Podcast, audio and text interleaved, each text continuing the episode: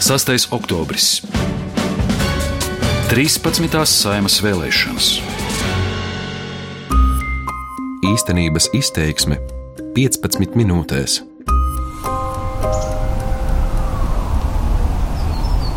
Vēsts rudenīgs rīts pie Stradiņas slimnīcas onkoloģijas klīnikas. Attālāk slimnīcas teritorijā notiek būvdarbi, no ceļa puses kādam palīgā steidzas ātrie. No klīnikas kāds vīrs iziet uzsmēķēt, gar slimnīcas korpusiem pa celiņu garām pabrauc reta mašīna. Redzami nesteidzīgi cilvēki, kas meklēs sev vajadzīgos slimnīcas korpusus. Visaptverošo mieru pārtrauc kāda velosipēdiste, kas traucas onkoloģijas klīnikas virzienā. Es, Anna Petrova, ar viņu jau esmu pazīstama. Pirms kāda laika jau bijām tikušās intervijai. Piedodiet, ka es kavēju, man galvas saslims. Viss kārtībā, labrīt! Īsiem matiem un modernu frizūru, ar mugursomu, kedās un sarkanā žaketē, piesprādzē velosipēdu pie staba blakus klīnikai. Šajā priekšvēlēšana laika raidījumā runāsim par veselības aprūpi Latvijā. Vairāk pievērsīsimies tieši onkoloģijai, kas bijusi arī atbildīgo prioritāte. Vērtēsim, kas padarīts un kas vēl darāms. Ar savu pieredzi aicinu dalīties pacienti Ivitu. Es nesaku, ka viss ir slikti, bet uh, atsevišķos gadījumos mana pieredze bija negatīva, diemžēl. Ivita ir 42 gadi un vēzi viņai atklāja 2012. gadā. Pirms tikšanās slimnīcā, uz kurien Ivita atbrauc pēc nosūtījuma pie ķirurga, garākais sarunai pirms kāda laika bijām tikušās citviet. Tagad man ir mīļākais punkts tur. Tur ir dālijas. Rīgas botāniskajā dārzā. Es bieži te nāku. Uh, kopš man ir bezmaksas ienākšana, nāku pastaigāties. Nu, arī pirms tam reizēm nācām sevišķi skaisti, kad rododendri zied. Pēc neilgas pastaigas Ivita ierauga divus krēslus ēnā un saprotam, ka tā būs laba vieta sarunai. Savu diagnozi Ivita uzzināja, kad viņai bija 36 gadi. Es gāju pie savas ginekoloģijas. Mēs ar vīru vēlējāmies plānot vēl vienu bērniņu. Es gāju uz profilaktisku apskati vienkārši, un man doktore, veicot ultrasonogrāfiju, atklāja izmaiņas Pirms tam ar dažādām sūdzībām bijusi pie cita speciālista, kas gan problēmas neatklāja. Es esmu ļoti pateicīga tai doktorai pēdējai, kas man izmeklēja un teica, ka fiksi jādodās ir uz onkoloģijas centru, jo viņai ir aizdomas par onkoloģisku saslimšanu. Kad pirms sešiem gadiem Ivitai atklāja vēzi, kā pati smaida, dzīves uzstādījumi mainījušies. Vairākas man tās emocijas tur mijās, gan bailes, gan šoks, gan gan dusmas, arī kaut kādā līmenī uz sevi par to, kā es esmu šī tik tālu nonākusi, sevi novedusi, kaut ko nepareizi domāju, dzīvoju, ēdu. Visādas domas bija galvā. Iespējams, pārstrādājos, jo nu, man bija salīdzinoši veselīgs dzīvesveids. Arī pirms es saslimu, es regulāri vingroju, braucu ar riteni, man patīk peldēt. Pirmais jautājums bija, kur es esmu pielaidusi kļūdu? Tagad jau, protams, man ir savādāka attieksme. Pēc slimības atklāšanas sākusies ilgstoša ārstēšanās. Man tika veikta operācija, un pēc tam bija ķīmijterapija apmēram pusgadu garumā. Ārstēšana bija neveiksmīga. Pēc neilga brīža man atkal bija recidīvs, kur vēlreiz bija operācija un atkal ķīmijterapija pusgadu garumā. Ārstēšana atkal bija neveiksmīga Latvijā. Pēc neilga brīža atkal bija recidīvs un atkal bija operācija un ķīmijterapija. Ārstēšana atkal bija neveiksmīga, un es aizbraucu uz Vāciju. Uz Vāciju par saziedotu naudu devusies pagājušajā gadā. Tur atkal bija operācija. Un tika nozīmēta arī medikamentoza terapija, kāda man līdz šim Latvijā nebija bijusi. Vācijā ārstējusies valsts slimnīcā un tagad uztur kontaktus ar Vācijas ārstiem. Viņi smalki iepazinušies ar iepriekšējo ārstēšanu. Un galvenokārt šī ārstēšana ir nevis kļūdaina tādā ziņā, ka absolūti nepareiza ārsti visu, visu dara, bet tā ārstēšana nav veikta optimāli. Optimāla viņa nav, maksimāli efektīva piemērota. Kaut kur visu laiku kaut kādi trūkumi. Visi trīs līmeņi - ķirurģija, medikamentozā terapija, diagnostika. visur ir mīnusi. Atkal saku, ne visiem. Es tagad stāstu tikai par savu pieredzi. Man ir arī draugi lokā tādi, kam ir laba pieredze šajā sakarā. Ivita vairāk kārt salīdzina savu situāciju ar loteriju. Es absolūti nevainoju godu vārds ne ārstus, ne ķirurgus, ne māsas, ne sanitārus. Vienkārši es domāju, ka kaut kāda kopējā sistēma ir tāda destruktīva. Nonākot Vācijā, Ivitai radās iespējas salīdzināt. Es Latvijā, kā man vīrs teica, viņam likās, ka es no sāpēm pēc katras operācijas brīžiem iekrītu bezsamaņā.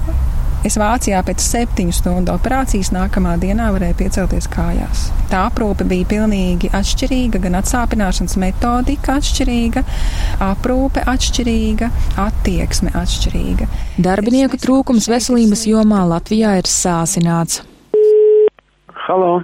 Sveicināti, vai Jānis Eglītis? Jā, Tieši cilvēku resursu trūkumu kā pirmo risināmo problēmu nosauc arī Latvijas onkologa asociācijas vadītājs. respektīvi, lai būtu šis te vidējais medicīnas personāls, lai būtu ārsti, lai viņi būtu pietiekami kompetenti un lai mēs beidzot sāktu runāt arī par ārstēšanas un izmeklēšanas kvalitāti. Un eh, pēc būtības, lai būtu tas noteicošais eh, kvalitāte, un eh, tad jau principā, kur tos pacients ārstē un kā ārstē, tas jau ir sekundāri. Primāram vajadzētu būt eh, definētai kvalitātes šai te paketēji, un kurš var to izpildīt, tas arī pacienta ārstē. Labi šo problēmu jūt arī pacienti, kas gaida garās rindās, lai arī saulaicīgu diagnostiku allaž uzsver, jo īpaši onkoloģijā. Mana personīgā pieredze, un ne tikai manējā, ir parādījusi, ka nu ir tā rinda uz tiem izmeklējumiem. Nu, viņa ir. Manā klātbūtnē mana doktora zvanīja onkoloģijas centrā uz radioloģijas nodaļu, prasīt, kad pacientei ir izmaiņas asins analīzēs, ka viņa vēlās, lai pacienti saņemtu pēc iespējas ātrāk magnetiskās rezonanses izmeklējumu. Otrā klausulas galā palīdzēt ātri nevarēja. Nav vietu, doktor. Nu, pēc vairākiem mēnešiem var tikai. Doktor saka, bet vajag tagad. Nu, ko lai dara, vajag tagad. Tad nolēma pierakstīt Ivitu uz vēl citu ātrāk pieejamu izmeklējumu. Kompjuterā neko neredzēja. Pienāca rinda uz magnētisko rezonanci. Tur jau parādījās jau ielaista, ielaista slimības stadija. Sekas ilgušam darbinieku trūkumam ir arī tajā skaitā speciālistu izdegšana. Ar to arī nākas sastapties pacientiem. Es pati pieredzēju to, ka mediķi var būt smaidīgi, labi izskatīties, atpūtušies. Māsiņas nosvērtas un mierīgas. Man bija tāds brīnišķīgs atgadījums, viens no ļoti daudziem Vācijā, kad es sēdēju gultā, raudāju, man viss apnicis. Man bija sajūta, ka es esmu nelaimīgākais cilvēks uz visas pasaules, vienīgais visnelaimīgākais, protams. To ieraudzījusi māsiņa un apsēdusies uz gultas malas, teikusi, ka vēlas izdarīt Ivitai ko labu. Pasakat pirmo, kas nāk prātā, un ja es varēšu, es izdarīšu. Un es neko negribu, un tur niķojos. Viņi saka, nu ko, nu ko, nu, es jums nu, nevaru izdomāt, nu ko es jums varētu izdarīt, logu atvēršu. Tīru veļu varbūt jums uzklāt, varbūt nomazgāties, palīdzēt. Un es tur puņķojos, saku, atnesiet man lūdzu kofiju. Un viņa vēl man prasa ar pieniņu. Jā, ar pieniņu. un ļāva tā sievišķīgi arī paniķoties. Arī Latvijā Ivita saskārusies ar pozitīvu attieksmi, taču vienlaikus atmiņā palikusi arī rūkta pieredze. Tomēr arī viņa mana pozitīvas pārmaiņas Latvijā. Pieejams kļuvis plašāks kompensējumu medikamentu klāsts, tiesa īvitas diagnozi tas neskara. Onkoloģijā tomēr joprojām varbūt ne tik ātri kā gribētos, bet tomēr tiek papildināts kompensējumu medikamentu klāsts un ka nāk jauni medikamenti jaunām diagnozu grupām, kas arī ir pozitīvi. Medikamentu klāsta palielināšanos redz arī onkoloģisko pacientu atbalsta biedrības dzīvības koks vadītāja Gunita Berķe. Tikmēr onkologs Jānis Eglītis stāsta, ka šogad beidzot aizsākusies staru aparātu nomaiņa. Tāpat šī gada otrajā pusē cilvēkiem ar noteiktām diagnozēm radusies iespēja par valsts līdzekļiem veikt vēl kādu svarīgu izmeklējumu. Tomēr arī šajā gadījumā Ivitei tas gājis secen. Dažām diagnozēm, kas arī ir interesanti, atkal loterijas princips. Dažām diagnozēm apmaksā pozitronu emisijas izmeklējumu Latvijā. Ja iet pacients ar šo diagnozi, kas atbilst tiem valsts apmaksātajiem, apmaksātām diagnozēm, viņam acīm redzam tikai jāmaksā pacienta iemaksa, un pirmās grupas invalīdiem laikam nekas. Un, uh, savukārt pacientiem, kas neuzvar Latvijā, tā kā es, es maksāšu nākamnedēļ apmēram pusotru tūkstotu eiro. Kaut gan man invaliditātes pensija ir 100 eiro mēnesī. Kārtība, lai saņemtu pozitronu emisijas tomogrāfiju, ir pilnveidojama uzskata onkologs Jānis Eglītis. Principā es domāju, ka pamat pielikšanas punkts šim izmeklējumam būtu tiešām tie gadījumi, kur ir aizdomas par slimības progresiju vai recidīvu, kur neredz kompjūtera tomogrāfijā vai magnetiskā rezonansē. Ja ir kaut kādas norādes šajos biomarķieros, tad tomēr būtu jāveic pozitronu emisijas tomogrāfija. Pašreiz man liekas, šie nosacījumi vēl līdz galam nav izstrādāti un tur ir e, lietas, ko varētu uzlabot. Par zaļo koridoru, jeb iespēju pacientus ar aizdomām par vēzi ātrāk nosūtīt uz izmeklējumiem un uzsākt ārstēšanu, atsaucas kā par nozīmīgāko sasniegumu. Kad Ivitei atklāja vēzi, šādas iespējas vēl nebija. Zaļo koridoru novērtē gan pacientu organizācijas, gan speciālisti. Iespēja gan paredzēta tikai pirmreizējiem pacientiem, proti slimības atgriešanās gadījumā zaļā koridora durvis ir slēgtas. Par to bažīgs onkologa asociācijas vadītājs Eglītis. Ja runā par tiem zaļiem koridoriem, man liekas, ka tas ir vēl būtiskāk to pacientu gadījumā, kuriem varētu būt slimības atgriešanās vai progresija. Diemžēl šie pacienti gan netrāpa zaļajā koridorī un viņu izmeklēšana būtu prioritāra, jo tur uzsākt to terapiju pēc iespējas ātrāk ir ļoti, ļoti būtiski. Tas pat varbūt atsevišķos gadījumos pat ir nozīmīgāk nekā uzsākt, teiksim, varbūt ārstēt nelielu primāru ārstē. Ja slimība atkārtojas, tad ārsti arī bez zaļā koridora iespēju robežās cenšas pēc iespējas ātrāk pacientiem palīdzēt.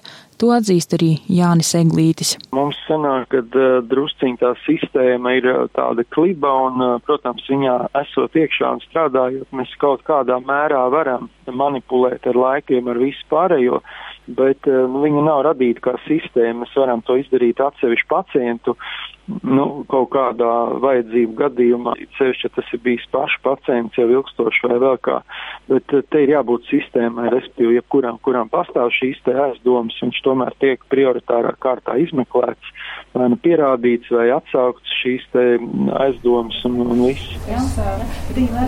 Jau vēlāk, kad Divita saņēma dārgā izmeklējuma rezultātus, saprata, ka atklātas aizdomas par veselības stāvokļa pasliktināšanos sazinājās ar ārstiem un steidzīgi devās uz onkoloģijas klīniku, kur ar viņu arī satikāmies vēlreiz.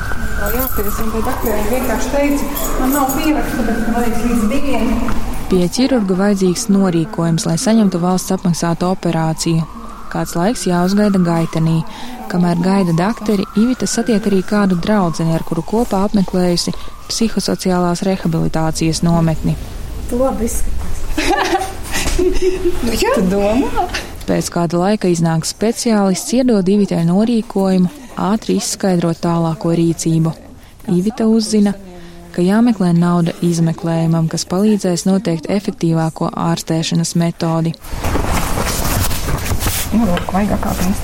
Ivita uzsver, ka ļoti grūti ir nepārtraukti tik sarežģītā situācijā domāt par to, kur rast naudu izmeklēšanai un ārstēšanai.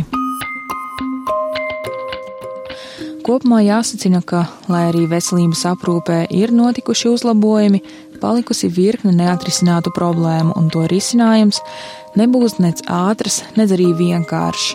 Jomā, kurā bijis ilgstošs naudas iztrūkums, beidzot sāka ieguldīt.